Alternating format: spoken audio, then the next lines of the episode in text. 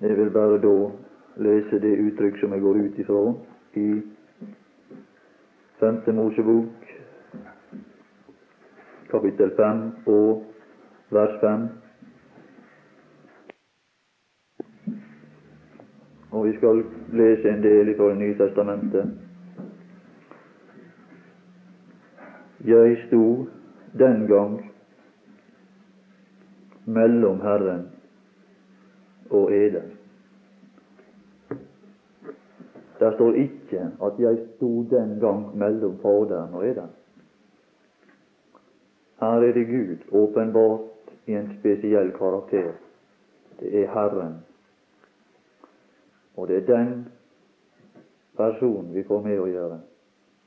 Det er et overveldende inntrykk for et menneske i sin naturlige tilstand. Og det er så overveldende inntrykk at det er ingen som kan stå for Guds åsyn og leve. Og det sa de, men det skal vi komme tilbake til. Men så får vi se Han som sto mellom. Jeg sto den gang mellom Herren og eder. Første Timotius 2 og vers 5 finner vi et uttrykk som er nokså godt kjent. Moses er et bilde på han. 2 og vers fem. Første Timotius.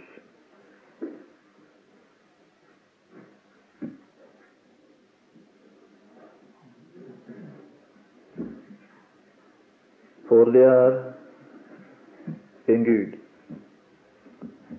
Der er en Gud. Og dess nærere vi kommer Gud, dess mer blir vi bevisst at det er en Gud. Og det er bare langt borte ifra Guds åsyn at mennesket kan ha den forestilling at det er ingen Gud. Og den tone skal forsvinne ifra menneskets leve i åpenbaringsboka. Der skal mennesket få et bestemt inntrykk av at det er en Gud. Og jeg for min del, som jeg sa i går, er glad for at jeg har fått det inntrykk i tida. Og når jeg har hatt det inntrykk, er det Guds hensikt å føre meg forbi det inntrykk til et annet inntrykk. Der jeg får med en å gjøre, som jeg kan ha med å gjøre. Men det skal jeg komme tilbake til. Og det er han vi finner omtalt videre i dette vers. Og en mellommann imellom Gud og mennesker. Synes veien det er lang til denne Gud, så er det en som er imellom, som kan komme ifra Gud og forkynne Gud for oss, formidle Gud for oss. Mennesket, mennesket Kristus Jesus.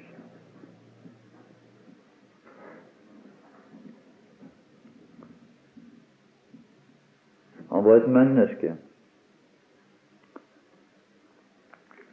Der er det store, nødvendige trekk ved vår mellommann. Han var menneske, like så mye som vi er mennesker. Og han er kalt mennesket. Et bestemt menneske. Det er et menneske som er menneske, men ikke et ruinert menneske, som vi er det. Han er ikke et ruinert menneske, men han er et menneske. Og vi skal også bare understøtte den påstand med et uttrykk fra 1. Korinterbrev 15, 21. Det kan være nyttig å ta med det. Er ikke sikkert alle er like innforstått med den tanke. 15, 21. Og det står forresten også om han han som led døden i kjødet. Han led døden i kjødet som om han døde som meg og deg. Slik døde han i kjødet. Men når han døde i kjødet, fordi jeg og du var i kjødet, så ble han levende gjort i ånden. Og hva slags væreform er det? Kjødet er vår væreform, men han ble levende gjort i ånden, og det var hans egen væreform. Slik han døde på vårt sted, der vi var, og han oppsto til liv for oss i den væreform som han sjøl var. Og slik er han tatt oss med inn til seg sjøl. Og ikke bare inntil seg sjøl, men der skal du slå opp dine øyne inne hos Faderen. Så får vi med Faderen å gjøre. I Ånden, for Gud er ånd. Og der var han ble levende gjort, og der levende gjorde han oss til liv med seg sjøl.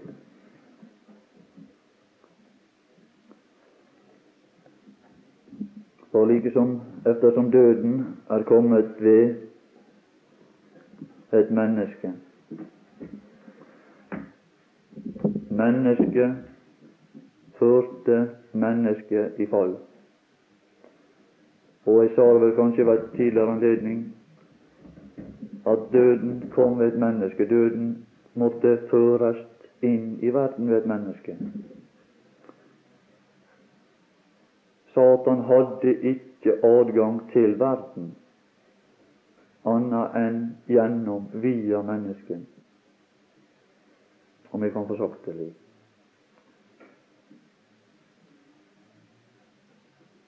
De onde åndsmakter ikke adgang i verden uten gjennom mennesket, som tilkjennegir de sataniske krefter i verden. Mennesket kanaliserer Satan i verden, like som den Herre Jesus måtte ha et legeme for å kanalisere Gud til verden. Så er òg de dødes oppstandelse kommet ved et, ved et menneske. Der er han menneske. Menneske. Han er menneske som meg og deg, men så er han også Gud. Og vi skal komme til det her. Når Gud skapte mennesket, så skapte han det fullkomment. Men det var ikke mange lang tid det gikk før at Gud sa noe annet om det mennesket han hadde skapt. Og i kapittel 6 i Første Mosebok skal vi lese hva Gud sier om mennesket. Det har skjedd ei degenerering, et fall.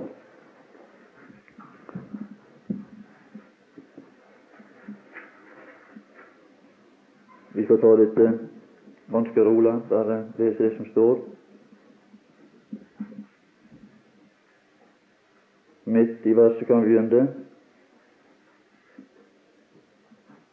For sin villfarelses skyld er det, altså mennesket, kjød. Er det kjød? Og det er den tanke Paulus tar opp igjen i sitt i Romerbrevet, så vidt som jeg forstår det. Kjødet er ikke Guds lovlydig, og kan heller ikke være det. Første Mosebok 6 og vers 3. Jeg glemte vel å si verset der. Jeg kan ta dette her så greit at hvis det er noen som lurer på noe, så kan vi bare, bare spørre hva verset var.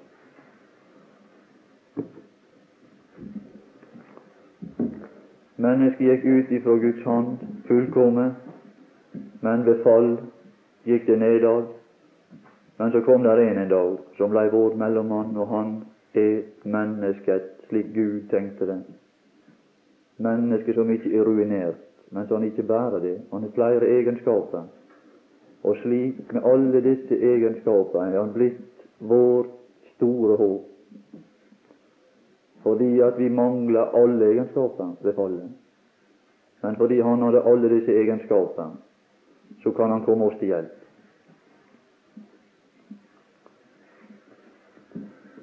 Og vi skal lese også Romerbrevet 5,18. Skal vi se kan, kan det være dommen gjaldt.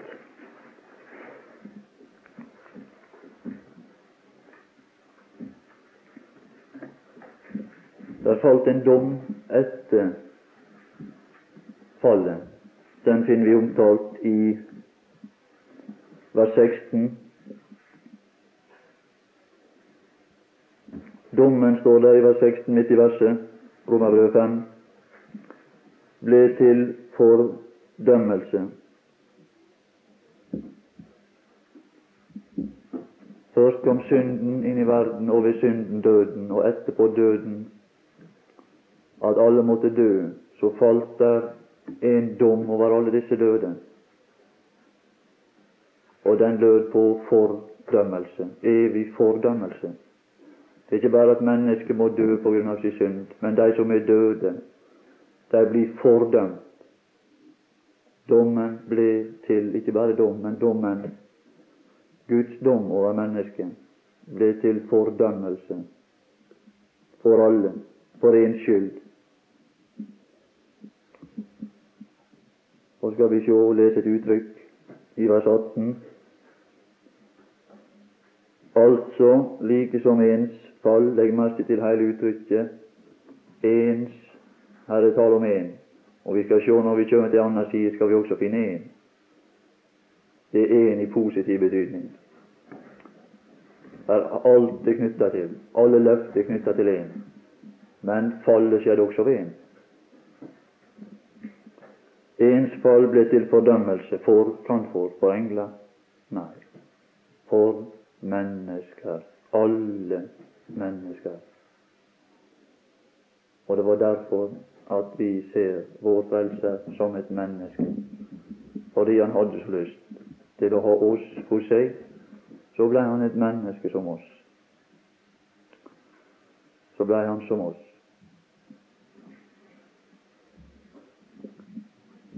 Det er brevet 12, 24.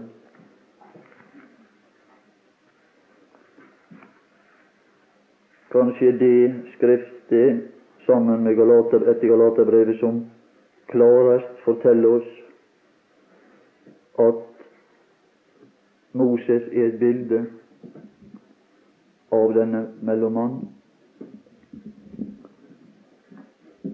Hebreabrevet 12, det, det er ikke vanskelig å se at det kapittel er en utleggelse og en forklaring til Mosebøkene og spesielle hendelser der. Det står også direkte referert til et fjell som jeg kan ta på med hender. Det var Sinai, et synlig fjell. Det var et synlig folk. Vi er et åndelig folk og har et fjell som vi ikke kan ta på med hender. Men også vi er kommet til et fjell, det himmelske. Vi har ved himmelsk ett, og våre realiteter de er i himmelen. Usynlige realiteter, men de er mer faktiske enn det, det som svant. De er mer faktiske. Det som vi går til, er mer reelt enn den verden vi ser omkring oss. 24. vers i kapittel 12 og til Jesus mellommann for en ny pakt, altså er Moses mellommann for den gamle.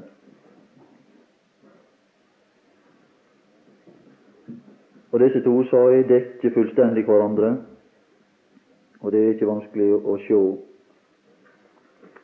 Vi skal også lese dette for å understøtte det med Galaterbrevet 3 og vers 20.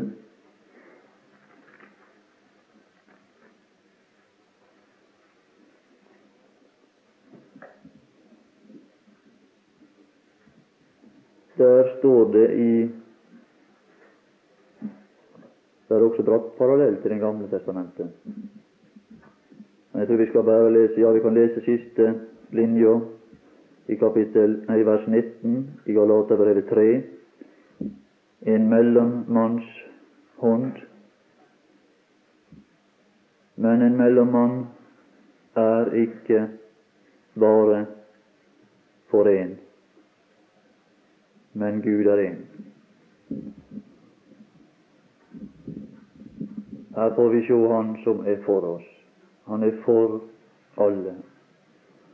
Han er for oss fra evighet. Han er for oss gjennom alle omstendigheter. For oss i dag. Men det var et kritisk punkt der han var for oss på en bestemt måte.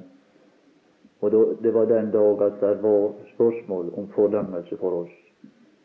På grunn av det vi var, på vår natur, på grunn av at vi hadde gjort Gud imot, så tok han vår plass og blei vår mellommann.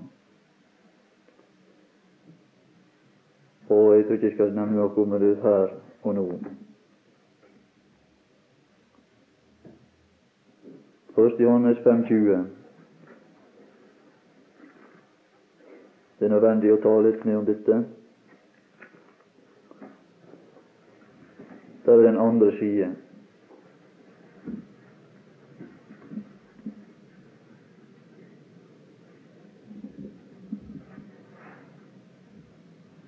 Men vi vet ja, det er godt å ha fått lys over de guddommelige hendelser. Og så kan vi si, som han som skrev dette, at vi vet. Er vi samlet ikke om teorier, hypoteser. Vi samler om, Gud, om guddommelig viten, den viten som Gud har latt oss vite, om både seg sjøl, si frelse og alt det som Han har bestemt til vårt beste, at Guds Sønn er kommet. Han har gitt oss skjønn til å kjenne den sanne, og vi er i den sanne, og i Hans Sønn Jesus Kristus. Denne er Det var det jeg ville ha tak i. Den sanne Gud. Han som er vår mellommann, han er den sanne Gud. Og vi må aldri skille disse tre personer fra hverandre. Fader, Sønn og Hellig Ånd. De er én person.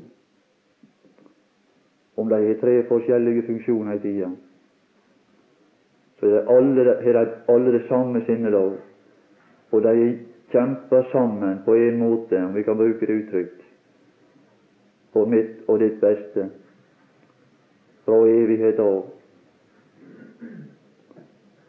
Og Han som ble åpenbart her i, i verden, han var Gud. Det kan du være sikker på. Og i Romerbrevet 9 og vers 5 står det, du kan bare notere det, Han som er Gud over alle ting. Høylovet i evighet. Det er vår frelse. Men jeg skal si dere det, at Han som var Gud over alle ting, i den væreform Han var, kunne du aldri ha fått sett Han på Golgata. Der har du aldri fått sett Han som var Gud over alle ting. Der har du aldri fått sett Han sammen med røvere i synd og elendighet. Han tok min plass den gang dødsdommen falt. Og det var ikke tilfeldig. Det var fordi at han hadde ikledd seg den væreform som jeg hadde. Men det var ikke den guddommelige skikkelse. Men han innehadde begge disse to kvaliteter, både den guddommelige og den menneskelige, da han døde. Og det var det som gjorde at han ble i stand til å frelse oss på en slik måte som han gjorde.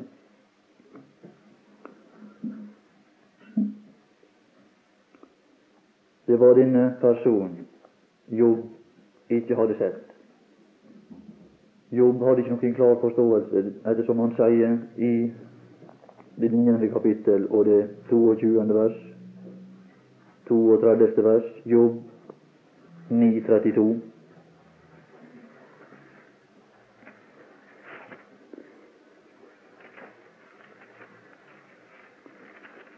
Men det var det blitt mange som har fått sett han gjennom generasjonene. Fått sett vår kjære mellommann. Det var han han fikk se mannen, han som var ved brannen der. Han sa det. 'Jeg har ingen', sa han. Ja, ja. Og så sto han der. Han som var mellommann mellom Gud og mennesker. 'Jeg har ingen', sa han. Å jau, der var en. Så sto han der. mellom mann, mellom Gud og menneske, er menneske. Som alle andre stod, gikk der rundt omkring han. Han hadde tapt forhåpninger til alle mennesker. 'Jeg har ingen', sa han. Og så en dag så kom han som var et menneske som alle andre, men som allikevel ikke var menneske som alle andre, som hadde de guddommelige kvaliteter. Så sa han 'Vil du bli frisk'? Det er menneske Kristus.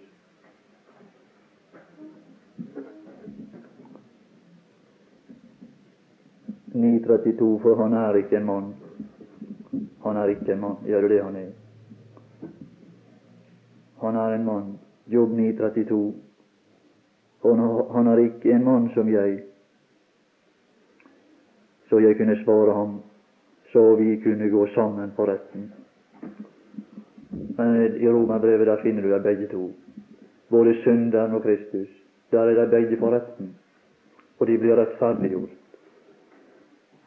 Der blir det rettferdiggjort. Der er du en i retten som tar din Se, jeg tar din misgjerning bort fra deg. Når vi er blitt oss bevisst vår misgjerning, da får vi sjå det at Se, jeg tar din misgjerning bort fra deg. Og så kan vi stå for Gud, ren og rettferdig. Så jeg kunne svare ham, så vi kunne gå sammen for retten. Og denne domsavsigelse denne dom og den opplevelse, den kan vi ha på to plasser, enten her i tida eller i evigheten. Og det er lykka for min del at jeg traff Han her i tida, og fikk kjenne Guds miskunnhet i tida. Fikk oppleve Gud i tida, her der forandring er mulig, før at jeg går inn i evigheten og blir evig det var før jeg ble frelst.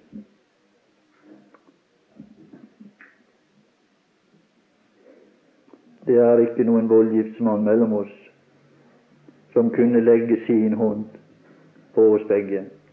Det er det en som kan ta, legge sin hånd på Gud, og som kan legge sin hånd, hånd på, sin hånd på mennesket.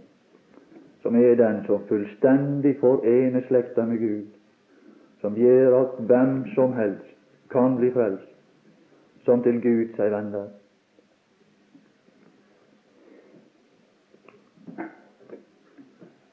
Filippenserbrevet 2 over 6 skal vi bare kort repetere, det veldig kjent. Men vi skal repetere vår mellommanns fortid. Vi kan bare lese det. 2 over 6 av Filippenserbrevet.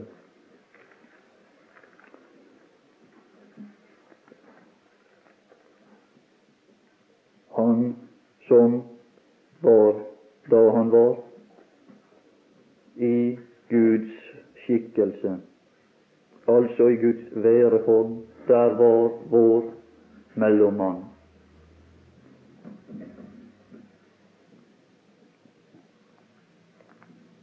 La jeg bare si det med en gang. Som sådan kunne han ikke bli vår mellommann. Johannes 17, 5.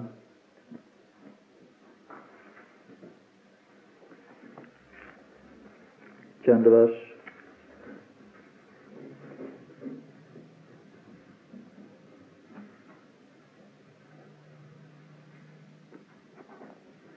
Skal vi sjå hva han hadde, hva han var kledd i. Den herlighet midt i verset. Jeg hadde hos deg. Det var det han hadde. Han hadde herlighet hos Gud. Der var han i Guds skikkelse, og han hadde herlighet. Som sådan kunne han ikke være tilgang for oss. Vi kunne bare ta inn Gud så lenge at vi som mennesker i Edens hage, der kunne vi ha samfunn med Gud på et vis, på et menneskelig plan. Men etter fallet mistet vi alle anlegg og evne til å kjenne den guddommelige side, altså den herlige side ved Gud. Og det var vår velsignelse at Gud førte oss ut av Guds nærhet. Det var vår velsignelse. At Han brakte oss bort ifra seg i vår tilstand der vi var. Ellers så ville døden være vårt eneste, vårt eneste alternativ.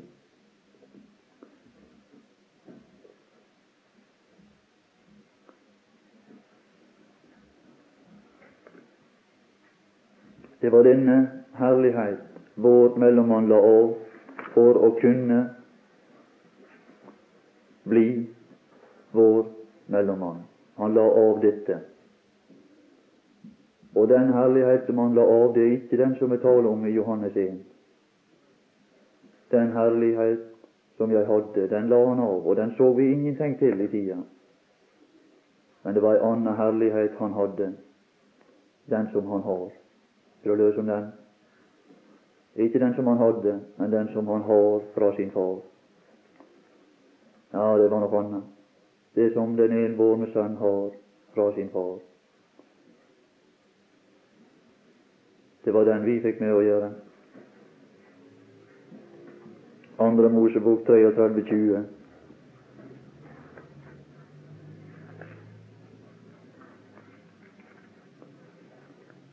Det er et par kapittel som omhandler vår mellommannstjeneste, og det kan vi komme til seinere. Jeg skal bare bruke ett uttrykk der. 33 og vers 20 av andre Mosebok. Og han sa, altså Gud, du kan ikke se mitt åsyn, altså et menneske. For intet menneske kan se meg. Ja, ja, det kunne vi.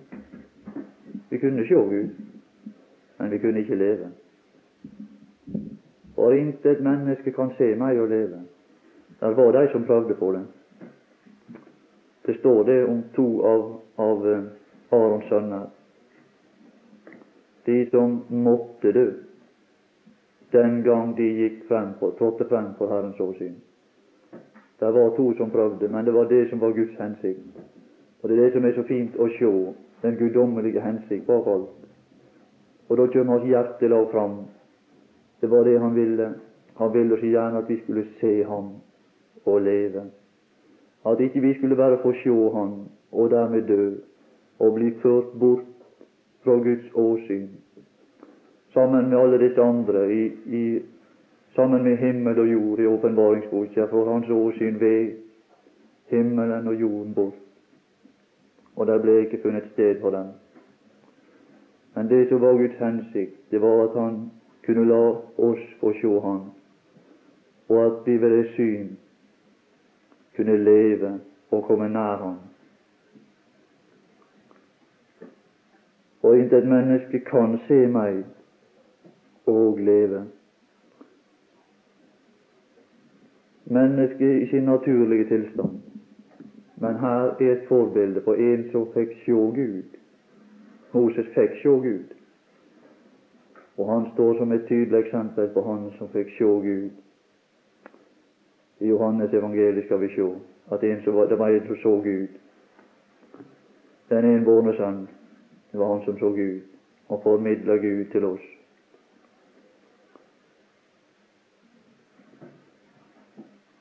Og kanskje vi kan, for meg her, jeg kan lese et par til et par henvisninger der han, vi finner dette samme sinnelag uttrykt i det skal vi se 19. kapittel av Andre Mosebok. 21. 1921.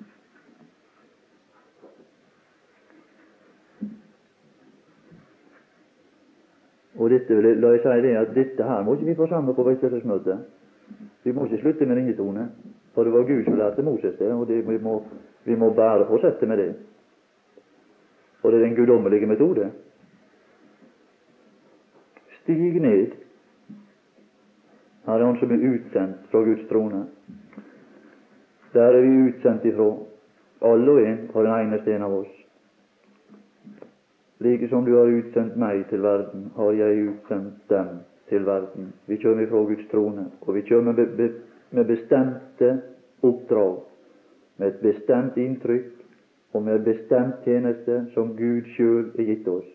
Og la oss lytte til hva han sier. Stig ned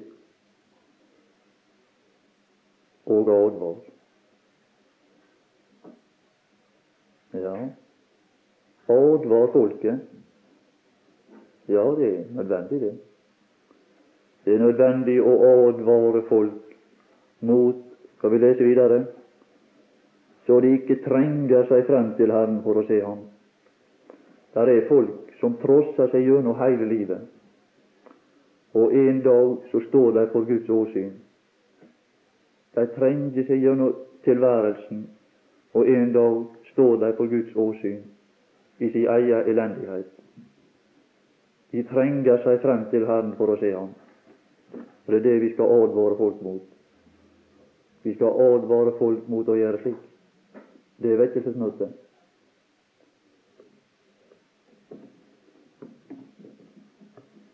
Og da kommer mange av dem til å falle. Det er ikke, det er ikke slik at vi forteller folk det at ja, slik du, det er ikke sikkert det går så galt. Du må trøste deg til Gud. Det, ja, han er mild og god og slik.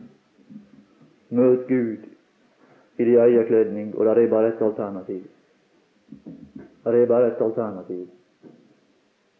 De måtte dø da de trådte frem for Guds åsyn. Det er bare én kvalitet som er bra nok for Guds åsyn, og det er Sønnens kvalitet, Guds eie vesen. Og det er det vi må først og fremst legge vind på og forkynne folk. Stå ikledd den Herre Jesus den dag du skal møte Gud. Bli ikledd den Herre Jesus og møt Gud. Men det er fint å sjå Guds vesen stige ned og advare. Han har ikke behag i synderens død, men at de omvender seg og lever. Stig ned og advar. Han har ikke noe glede av at de stiger fram for Gud, og så dermed dør og går bort ifra muligheter for frelse. For det er her i tida Gud er en Gud som frelser. Han rettferdiggjør den ugudelige. Det står også den samme tanke i det 24. vers. Moses han var ikke så veldig til dette, han vet du. Selv, har jo selv sagt at folk ikke kan stige opp, sa han. Men han fikk, jeg, han fikk lære hva det var å være vekkelsespredikant, Moses den gangen. Stig nå ned, sier Gud, og advar folket. Stig nå ned, står det i 24. vers, og kom så her opp igjen. For at, i siste linja, for at han ikke skal bryte inn iblant dem. Det er det som er Guds hensikt. Han vil ikke det. Han ville helst slippe. Men det er en dag han ikke slipper. Det er de som trenger seg inn i evigheten uten å være født på ny. Og de måtte dø. Det var et resultat.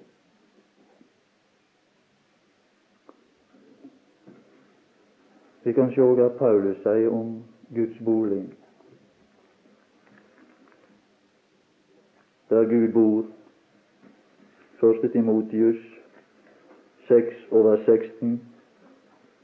Og tida er kommet så langt at vi skal bare slutte av med Vi kan forresten også lese et vers lenger fram i samme brev, første Timotius 1 og vers 17, kan vi lese først.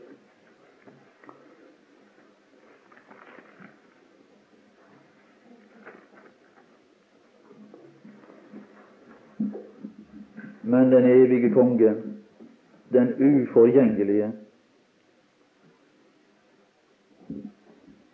så står der et uttrykk usynlige. Den usynlige Gud, den Gud som vi ikke kunne fatte, den Gud som vi på grunn av vår naturlige begrensning var fullstendig avskåren ifra. I begynnelsen så de Gud, hadde de kontakt med Gud. Mennesker som gikk ut ifra Guds hånd, hadde kontakt med Gud. Men så når Paulus levde på hans tid, så var Gud en usynlig Gud. Den usynlige Gud. Men det var en som ble synlig, han som er åpenbaret. En gang ved tidenes ende, det var han som var synlig. Men her var den usynlige Gud. Gud i sin majestet. Eneste Gud. Og dette er den eneste Gud, så er det så viktig at denne usynlige Gud blir synlig, for han er den eneste. Den eneste.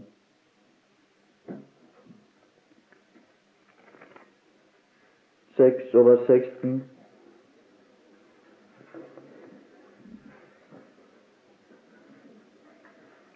La oss også lese det 15. vers. Det gir et helhetsinntrykk av en person som bor på en plass i tilværelsen. Han bor på en plass i tilværelsen. Og jeg tror for min del, og jeg har det sagt, at dette som her er beskrevet, det er det som Johannes taler om i Johannes 14. Faderhuset. Du lese hva slags karakter det har. Som den salige i et navn på Gud. Den salige Gud. Som alene og alene mektige skal vise oss i sin tid Han som er kongenes konge og herrenes herre. Han som alene har udødelighet og er det udødelighet, så er det derifra det kommer. Skal vi leve evig, så er det liv ifra denne personen. Det er ikke evig tilværelse, men evig liv. Og som bor i et lys som ingen kan komme til. Ingen kan komme til. Ham som intet menneske har sett. Men det er det som er det fine, at en dag så får vi se vår mellommann som er menneske, som har sett Han, og som kan åpenbare Han. Og når Han forener seg med oss, så blir vi mennesker som kan ha kontakt med Gud. Eller kan se Ham tilhører ære og evig makt. Amen. Det er Han vi skal ha med å gjøre, dette mennesket. Kristus Jesus, som formidler denne Gud som bor i denne tilstand som her er beskrevet som det er totalt umulig for et menneske i sin naturlige tilstand å kjenne. Det er Han som kommer ifra dette, denne beskrivelse her, og formidler denne Gud som bor i denne salige tilstand. Og som, etter at Han har formidlet Han til oss, tar oss opp i dette guddommelige liv. Og jeg vil bare da til slutt lese Johannes 17. 1,17. Så tror jeg det at jeg, har sagt det som jeg kan si om vår mellommann generelt. Der står det bare en opplysning. Og det bør gi oss en forståelse av at Gud er ikke en som vi kan behandle som vi vil. Han er universets absolutt, og alle ting i evighet skal rette seg etter det som går, den innflytelse som går ut ifra Gud. Det som kommer inn for hans øyne og ikke stemmer med den karakter som Gud har, der skal det bli et vitnesbyrd ifra Gud om hva han mener.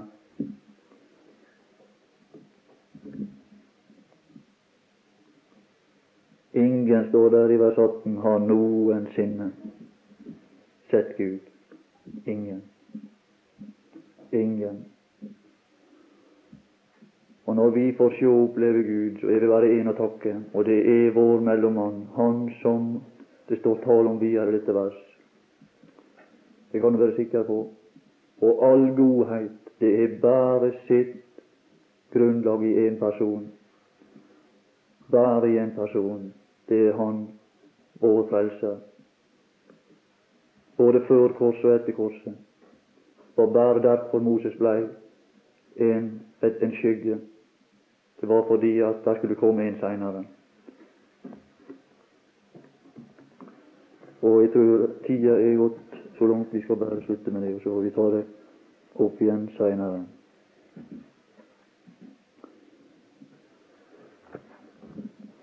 Ja, Herre Jesus,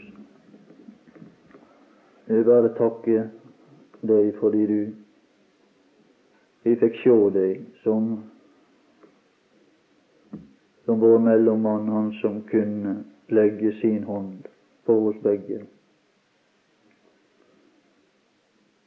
slik at det ikke for min del blei borte ifra alt det gode, for tid og for evighet. Og aldri få kjenne den varme, den salighet, den glede som strøm ut ifra ditt åsyn, ifra ditt hjerte, som du så gjerne ville formidle. Men du ser det at du begynte så i det lave, det fantes ikke muligheter, det var ikke noen ting som kunne korrespondere med det, ingenting som kunne ta inn ditt vesen. Og allikevel så begynner du hos meg i mye elendighet, da vår. Det var da, jeg ennå det som fallet hadde gjort meg til. Skrøpelige, da vi ennå var skrøpelige, døde Kristus til fastsatt tid for ugudelige. Ja, så fikk vi sjå det, og vi takka det for det, den enkelte, og vi takka det for alle disse venner som har fått sett deg, og som fordi de så og vi alle sett herlighetens Gud, så er det en ting som kun tilfredsstiller oss, og det er å søke herlighet. De som søker herlighet. Da må, må vi få oppleve det. Velsign fortsettelsen av samværet for oss. Og neste time i Jesu navn. Amen.